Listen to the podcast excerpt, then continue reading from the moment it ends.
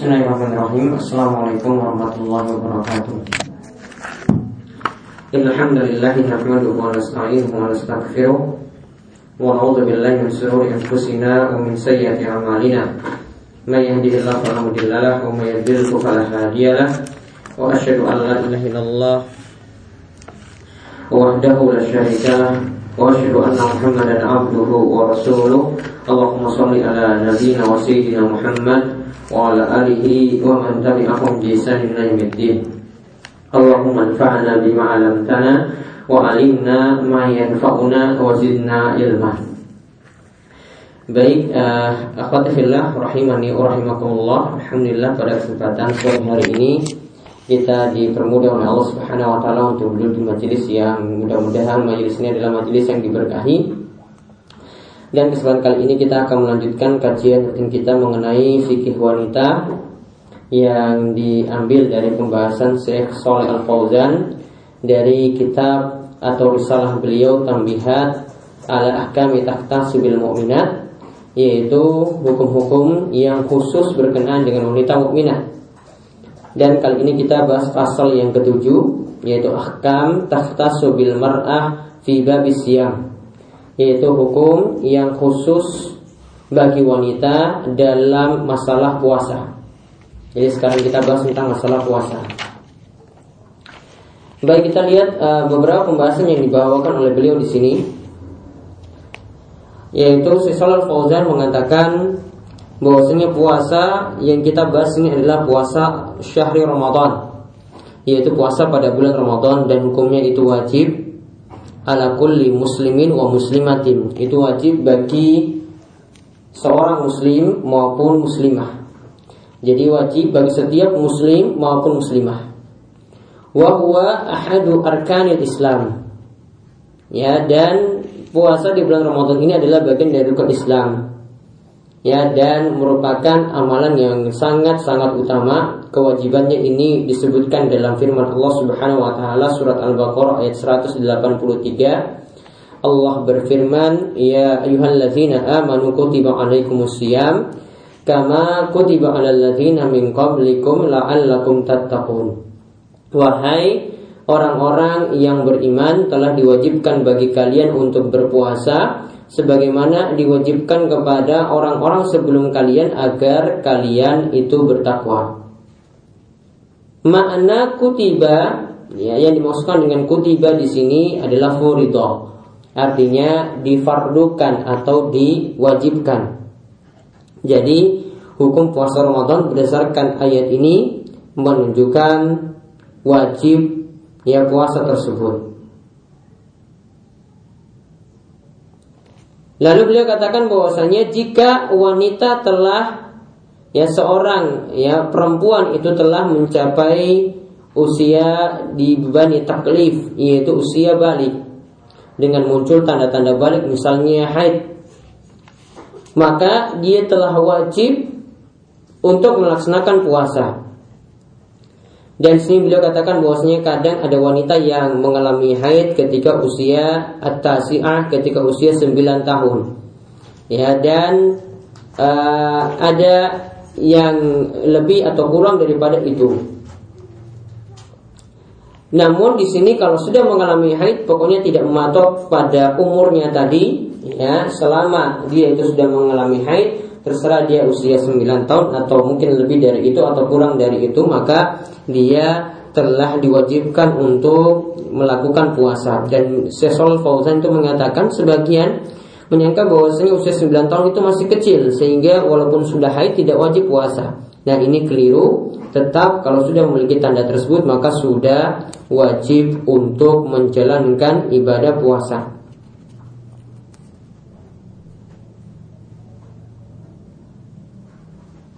Kemudian beliau menyebutkan Mayajib alaihi Ramadan Siapa yang diwajibkan untuk menjalankan puasa Ramadan di sini dia sebutkan yang menjalankan puasa Ramadan itu jika memenuhi beberapa syarat. Bisa dicatat untuk syarat-syaratnya di sini. Syarat wajib untuk menjalankan puasa Ramadan artinya kalau sudah mendapati syarat-syarat ini maka sudah dikatakan wajib untuk menjalankan puasa. Yaitu yang pertama muslim wa muslimah. Dia adalah muslim dan muslimah. Kemudian yang kedua balghain. Yaitu keduanya dalam keadaan balik sebagaimana telah dijelaskan tadi. Ya. Kalau sudah dalam keadaan balik misalnya pada wanita mendapati haid maka sudah wajib untuk menjalankan puasa. Kemudian yang ketiga sahihain yaitu dalam keadaan sehat. Ya, laki-laki dan perempuan yang dalam keadaan sehat, sehat wajib untuk menjalankan puasa. Kalau sakit, maka di sini jadi pertimbangan kalau sakitnya itu berat, ya maka dia boleh memilih tidak berpuasa. Namun kalau sakitnya itu ringan, maka tetap untuk berpuasa. Kemudian mukimain, ya laki-laki dan perempuan tersebut, ya syarat yang keempat, kedua-duanya dalam keadaan mukim. Artinya mukim di sini tidak bersafar atau tidak melakukan perjalanan jauh. Sehingga dari empat syarat di sini, siapa yang sakit atau bersafar, maka ketika itu, walau dia itu di tengah-tengah bulan Ramadan mendapati sakit atau bersafar seperti itu, maka dia boleh untuk membatalkan puasa dan nanti dia mengkodok atau mengganti puasanya di hari lainnya. Sebagaimana yang Allah Subhanahu wa taala firmankan dalam surat Al-Baqarah ayat 185, "Faman faman syahida minkum asy-syahra falyasum wa man kana maridan aw ala safarin fa'iddatum min ayyamin ukhra." Siapa barang siapa di antara kalian menyaksikan ya hilal maka berpuasalah namun barang siapa yang sakit atau dalam keadaan bersafar Maka hendaklah dia mengganti puasanya itu di hari-hari yang lainnya. Begitu pula di sini kalau kita sebutkan empat syarat tadi ini dikatakan syarat wajib puasa, maka kata Syekh Fauzan untuk orang yang sudah sepuh la yastati asyam yang tidak mampu lagi untuk berpuasa atau dia itu sakit maradan muzmanan la yurja irtifa'uhu. Dan ada juga yang sakit sampai sakitnya itu tidak kunjung sembuh. Maka uh, orang tersebut boleh tidak berpuasa dan nanti sebagai gantinya adalah yut'im an kulli yaumin miskin. Yaitu setiap hari tidak berpuasa maka gantinya adalah memberi makan kepada orang miskin satu hari tidak puasa memberi makan kepada satu orang miskin. Kalau 30 hari tidak berpuasa berarti memberi makan kepada 30 orang miskin. Dan jatahnya itu adalah kata beliau nisfus min kutil balad. Ya setengah sok dari makanan pokok yang ada di setiap negeri. Kira-kira setengah sok itu berapa kilo? Para akhwat. Setengah sok Satu sok berapa kilo?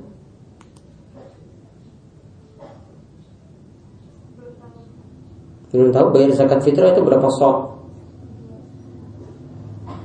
Bayar zakat fitrah Biasa bayar zakat fitrah berapa kilo?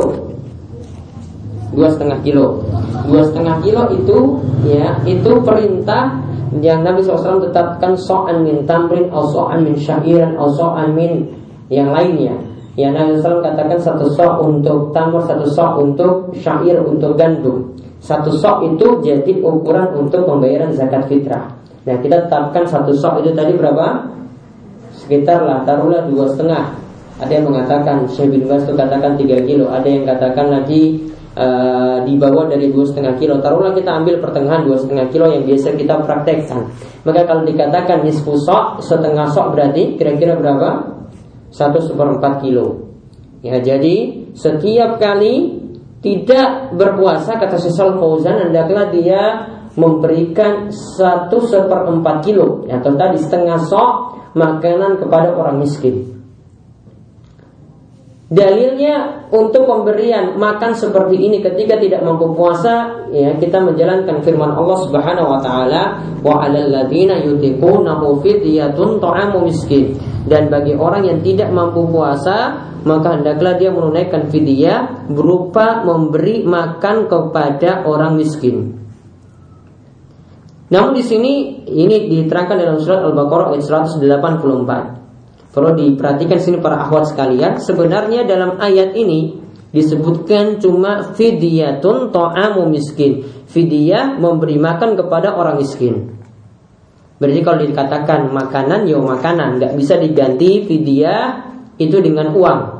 Dikatakan tekstualnya kita pahami secara tekstual. Maka kalau dikatakan fidyatun ta'am, maka Fidyah itu cuma berupa makanan saja, tidak bisa digantikan dengan uang. Kalau seandainya disetorkan ke masjid, itu masjid minta uang, pokoknya pihak masjid harus menyalurkan dalam bentuk makanan.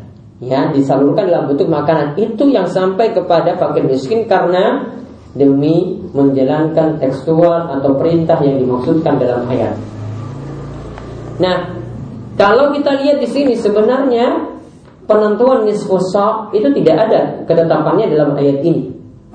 Ya, ini praktek dari sebagian sahabat. Namun intinya di sini kami ingin tegaskan penentuan setengah sok tadi. Atau kita hitung kalau dengan satu sok itu dua setengah kilo berarti setengah soknya itu satu seperempat ya kilo. Ini sebenarnya tidak ada ketentuan dari dalil. Oleh karena itu, sebagaimana dikatakan oleh Syekh Muhammad bin Saleh Al Utsaimin, yang namanya fidyah itu sekedar kita memberikan satu bungkus makanan dan itu adalah makanan yang wajar dan mengenyangkan. Cuma sekali ya, sekali memberikan jatah sekali.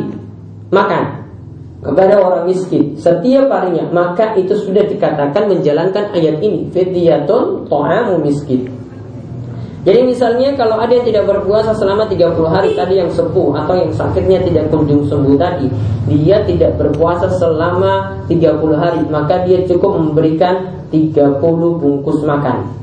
Dia bisa bayarkan itu di awal, uh, dia bisa bayarkan setiap kali tidak berpuasa dia tunaikan fidyahnya satu bungkus makanan atau bisa langsung dirapel nanti di akhir bulan langsung memberikan 30 bungkus makanan. Jadi bisa dilakukan seperti itu. Dan tentang ayat ini wa 'alal ladzina yutiqunahu fidyatun ta'am miskin yaitu surat Al-Baqarah ayat 184 tadi Abdullah bin Abbas radhiyallahu anhu itu mengatakan hiya lil kabir alladzi la yurja bara'uhu yaitu ayat tersebut berlaku untuk orang yang sepuh yang tidak diharapkan kesembuhannya. Hadis ini diriwayatkan oleh Imam Bukhari. Dan sini para ulama katakan berlaku juga untuk ya tadi untuk yang sembuh begitu juga orang yang sakit yang tidak kunjung sembuhnya sakitnya tersebut tidak kunjung sembuhnya maka dia memiliki hukum yang sama dengan orang yang sembuh tadi intinya di sini tidak ada kodok karena dia tidak mungkin lagi untuk menunaikan qadha puasa yang ada adalah menunaikan fidyah sebagaimana tadi sudah disebutkan.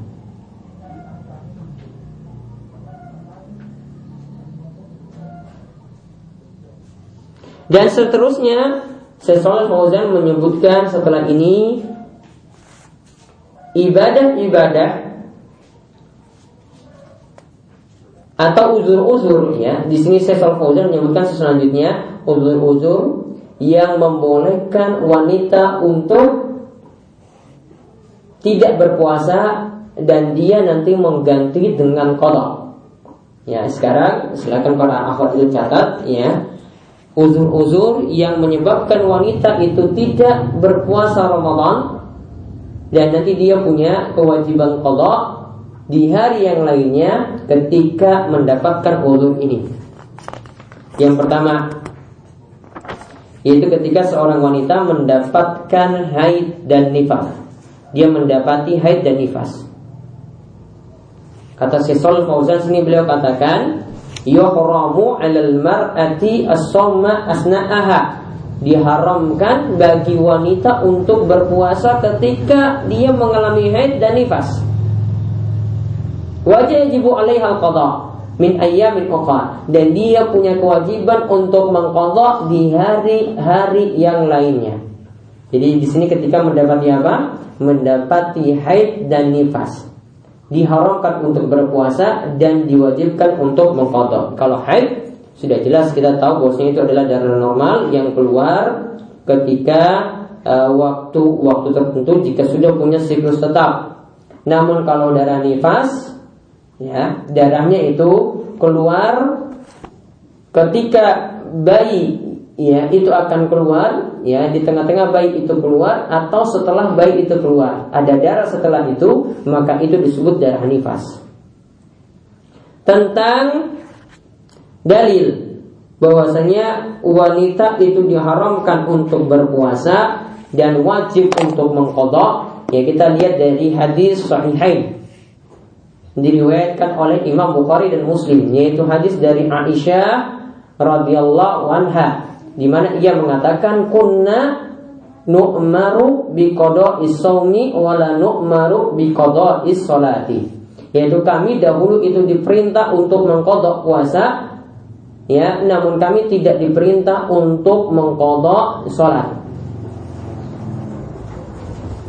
Kemudian ada seorang wanita yang ketika itu bertanya kepada Aisyah radhiyallahu anha, "Ma balul haid taqdi shauma wa la taqdi shalah?" Kenapa kok bisa jadi orang uh, wanita itu yang dia itu cuma mengkodok puasanya saja tidak mengkodok sholatnya? Maka ketika itu ya uh, Aisyah itu menerangkan sebelumnya dia itu bertanya apakah kamu itu seorang wanita dari Haruri Kemudian Aisyah ketika itu menjelaskan bahwasanya inilah yang dipraktekkan oleh para sahabat wanita di masa Nabi SAW atas perintah beliau. Artinya kodok puasa tadi itu ada, kodok sholat itu tidak ada. Jadi intinya untuk mengkodok tadi ini adalah perkara tahu kifiyah yaitu mesti adanya dalil untuk melakukannya. Kemudian yang kedua yang mesti ada kodok lagi ketika mendapatkan udhur itu adalah bagi wanita adalah ketika mengalami uh, ketika hamil dan menyusui. Di sini Syekh Shalal Fauzan memilih pendapat jumhur ulama tetap ada kodok puasa tidak cukup dengan fidyah. Ya, Shalal Fauzan itu memilih pendapat tetap ada kodok puasa tidak cukup dengan fidyah dan inilah pendapat yang lebih tepat. Jadi wanita hamil dia ketika tidak berpuasa juga tetap ada kewajiban kodok. Kemudian wanita yang menyusui ketika tidak puasa juga tetap ya punya kewajiban kodok. Namun di sini perlu catatan penting yang perlu diperhatikan bahwasanya wanita hamil ataupun wanita menyusui itu boleh tidak puasa ketika dia merasa susah atau merasa kesulitan atau khawatir pada bayi yang dikandung atau pada bayi yang sedang dia susui maka ketika punya rasa khawatir seperti itu Maka wanita boleh mengambil keringanan tidak berpuasa Dan tetap ada kodok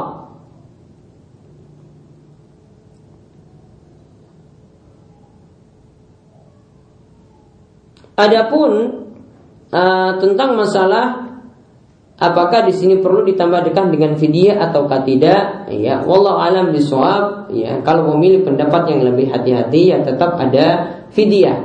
Artinya ketika dia tidak berpuasa, dia sekaligus mengkodok, sekaligus juga menunaikan fidyah karena menjalankan atau uh, melihat pada hadis yang lainnya atau dalil yang lainnya. Namun Ya, kalau mau memilih antara fidyah saja atau kodok saja, yang lebih utama adalah memilih untuk mengkodok saja. Fidyah itu ada ketika kita melihat tadi pada ayat yang sudah kita baca surat Al-Baqarah ayat 154, yaitu fidyah itu ada ketika memang tidak bisa lagi untuk menunaikan kodok puasa karena saking banyaknya. Misalnya, seorang wanita dalam kurun waktu 10 tahun itu lima anak sekaligus. Ya, punya lima anak.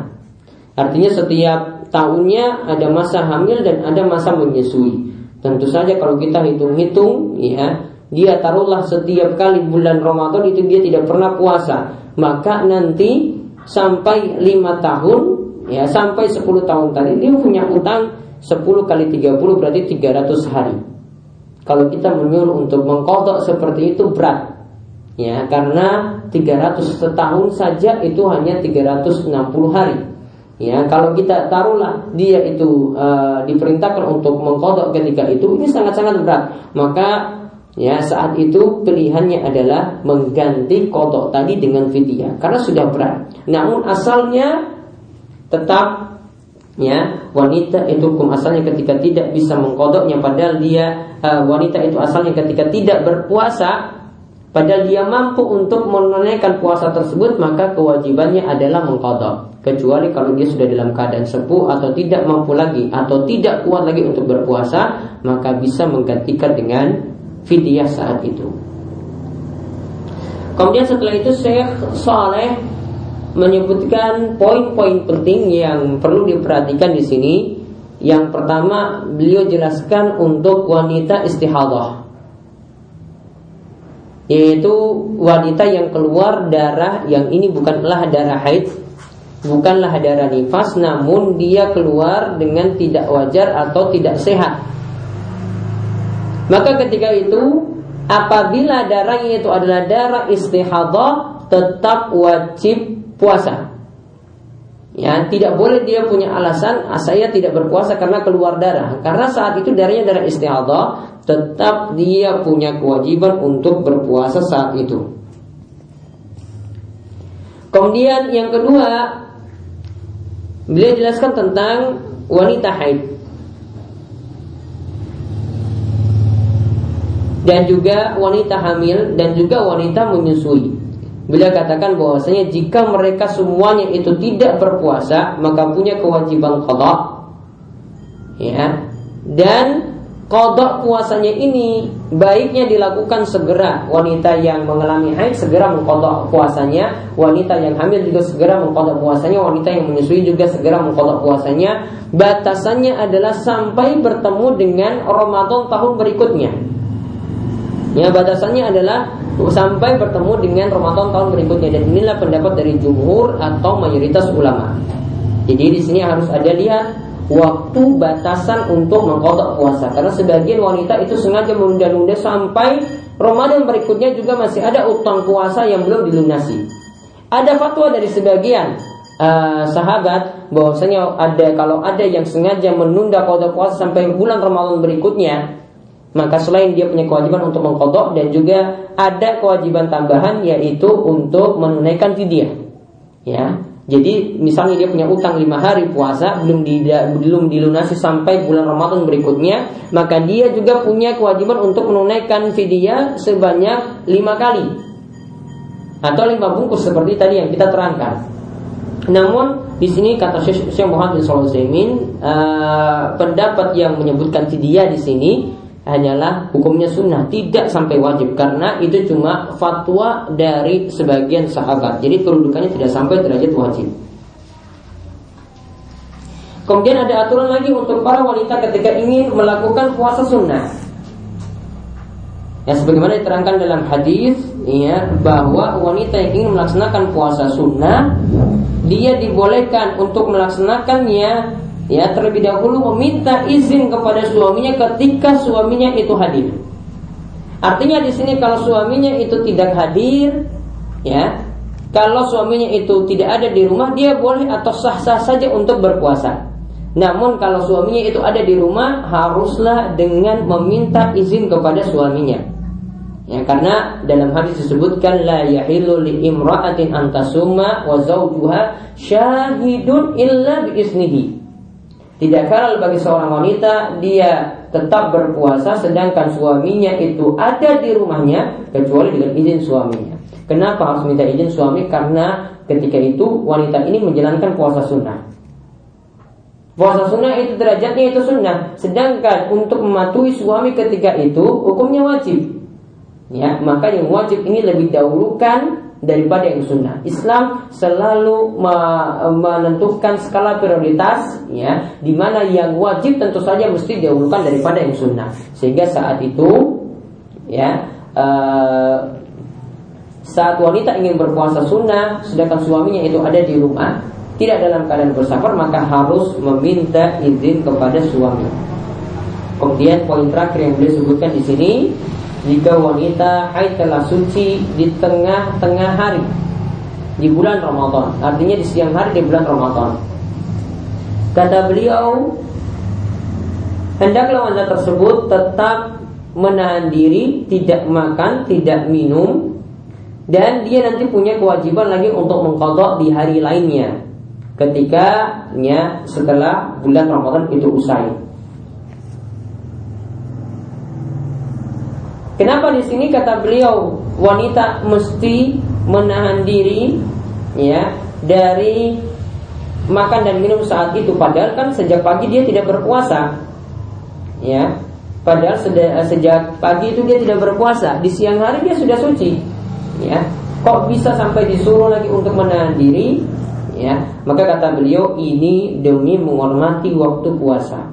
Ya, walau alam pendapat yang lebih kuat, ya kami tidak memilih pendapat ini. Ya, kami memilih pendapat ya bahwasanya siapa yang sejak pagi itu tidak berpuasa maka di siang hari ketika dia suci pun tidak berpuasa. Namun dalam rangka untuk menghormati waktu tentu saja wanita tersebut tidak makan atau minum di hadapan orang-orang yang sedang berpuasa saat itu. Nah ini poin-poin penting yang disampaikan oleh Syekh Saleh Al-Fauzan tentang masalah puasa. Ya jadi beliau menerangkan tentang kewajiban puasa tadi lalu menerangkan tentang uzur-uzur yang dibolehkan wanita itu tidak berpuasa dan punya kewajiban untuk mengkotok kemudian poin-poin penting yang beliau itu sampaikan ya.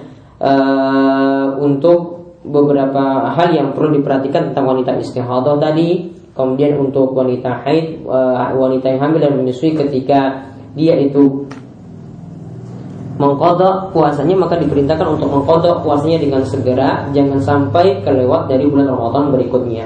Kemudian beliau juga terangkan di sini tentang masalah aturan wanita yang ingin menjalankan puasa sunnah sedangkan memiliki suami yang ada di rumah. Kemudian yang terakhir tadi tentang wanita haid yang suci di siang hari, maka kata Syekh dia tetap menahan diri sampai sore hari untuk tidak makan dan minum. Namun kalau Allah pendapat yang lebih tepat tetap masih dibolehkan untuk makan dan minum karena siapa yang tadi pagi itu tidak berpuasa maka di siang hari juga dia tidak berpuasa. Wallahu alam bisawab ini yang bisa kami sampaikan pada kesempatan kali ini mudah-mudahan bermanfaat bagi akhwat sekalian. Selanjutnya itu kita bahas pasal ke-8 Tapi bahasannya itu tentang haji dan umroh Apa perlu dibahas atau tidak ini para ahwat? Haji dan umroh bahasannya yang berikutnya Hah? Perlu untuk apa? Mau haji atau umroh? Insya Allah besok Ya, kalau misalnya ini belum perlu ya saya lompat ya. Kalau ya, katakan tadi perlu ya sudah saya bahas nanti. Barangkali siapa yang ada yang mau umroh atau ingin melakukan ibadah-ibadah seperti itu nanti bisa melihat aturan-aturannya di sini. Ya, tapi nanti minggu depan insya Allah kita bahas tentang haji dan umroh. Tapi ini uh, pelan-pelan nanti kita bahas. Ya, nanti bisa mungkin saya berikan makalahnya juga tentang hal ini. Baik, ada yang ingin bertanya 5 menit. Ya.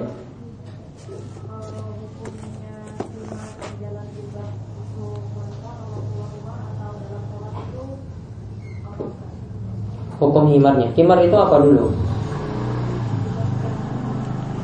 Hah?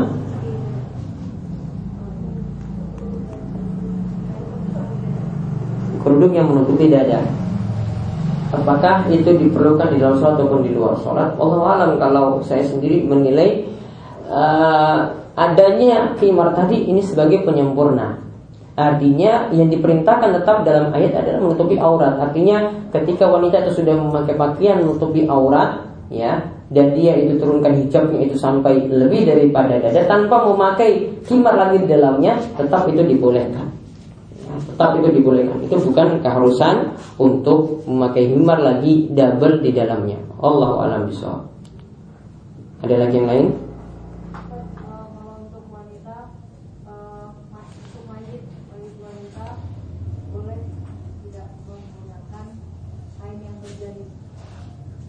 kain yang berjahit itu untuk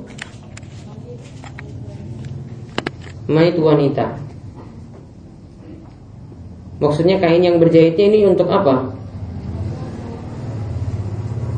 Kan kemarin kita bahas kainnya itu bisa tiga bisa lima. Ya untuk perempuan kalau menurut Syaikhul Fauzan itu lima kain.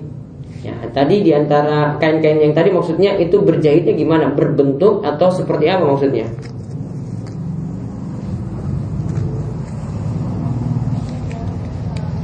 Hah?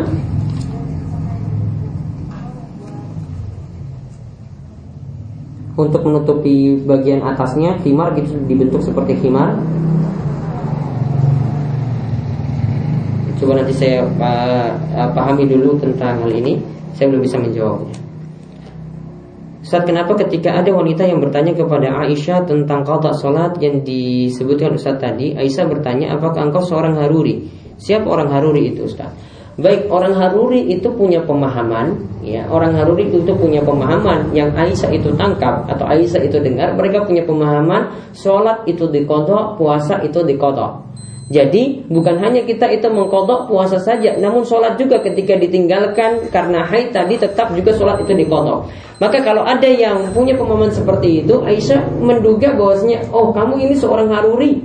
Haruri ini adalah sebenarnya nama suatu daerah Haruriyah ya ini nama suatu daerah Haruri ya ini di luar Jazirah ini adalah suatu daerah dan punya pemahaman seperti itu. Nah, ketika wanita ini tanya, maka Aisyah nangkapnya orang ini punya pemahaman seperti Haruri tadi, maka Aisyah tanya seperti itu dulu terlebih dahulu. Apakah engkau seorang Haruri ya? Nah, itu maksud Aisyah bertanya seperti itu. Kemudian satu lagi jika ada yang tanya. Ya.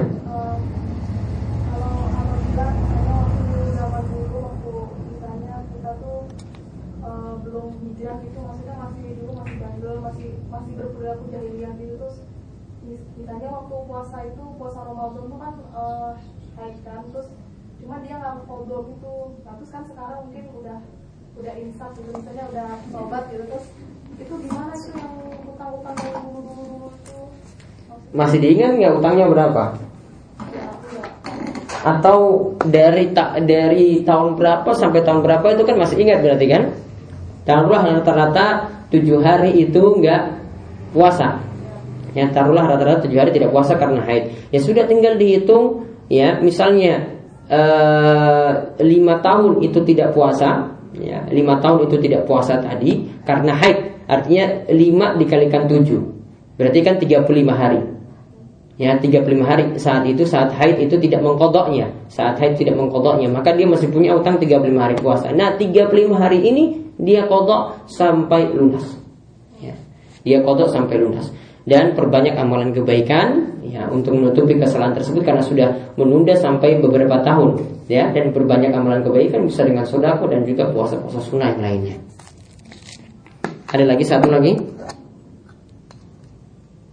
Sampun? Ya nanti hasil ujiannya saya baru bisa beri minggu depan ya. Jadi minggu depan bahasan kita insya Allah haji dan umroh. Ya itu saja yang kami bahas. Mudah-mudahan bermanfaat. Subhanallahumma bihamdika Asyhadu an la ilaha illa anta astaghfiruka wa atubu ilaik. Assalamualaikum warahmatullahi wabarakatuh.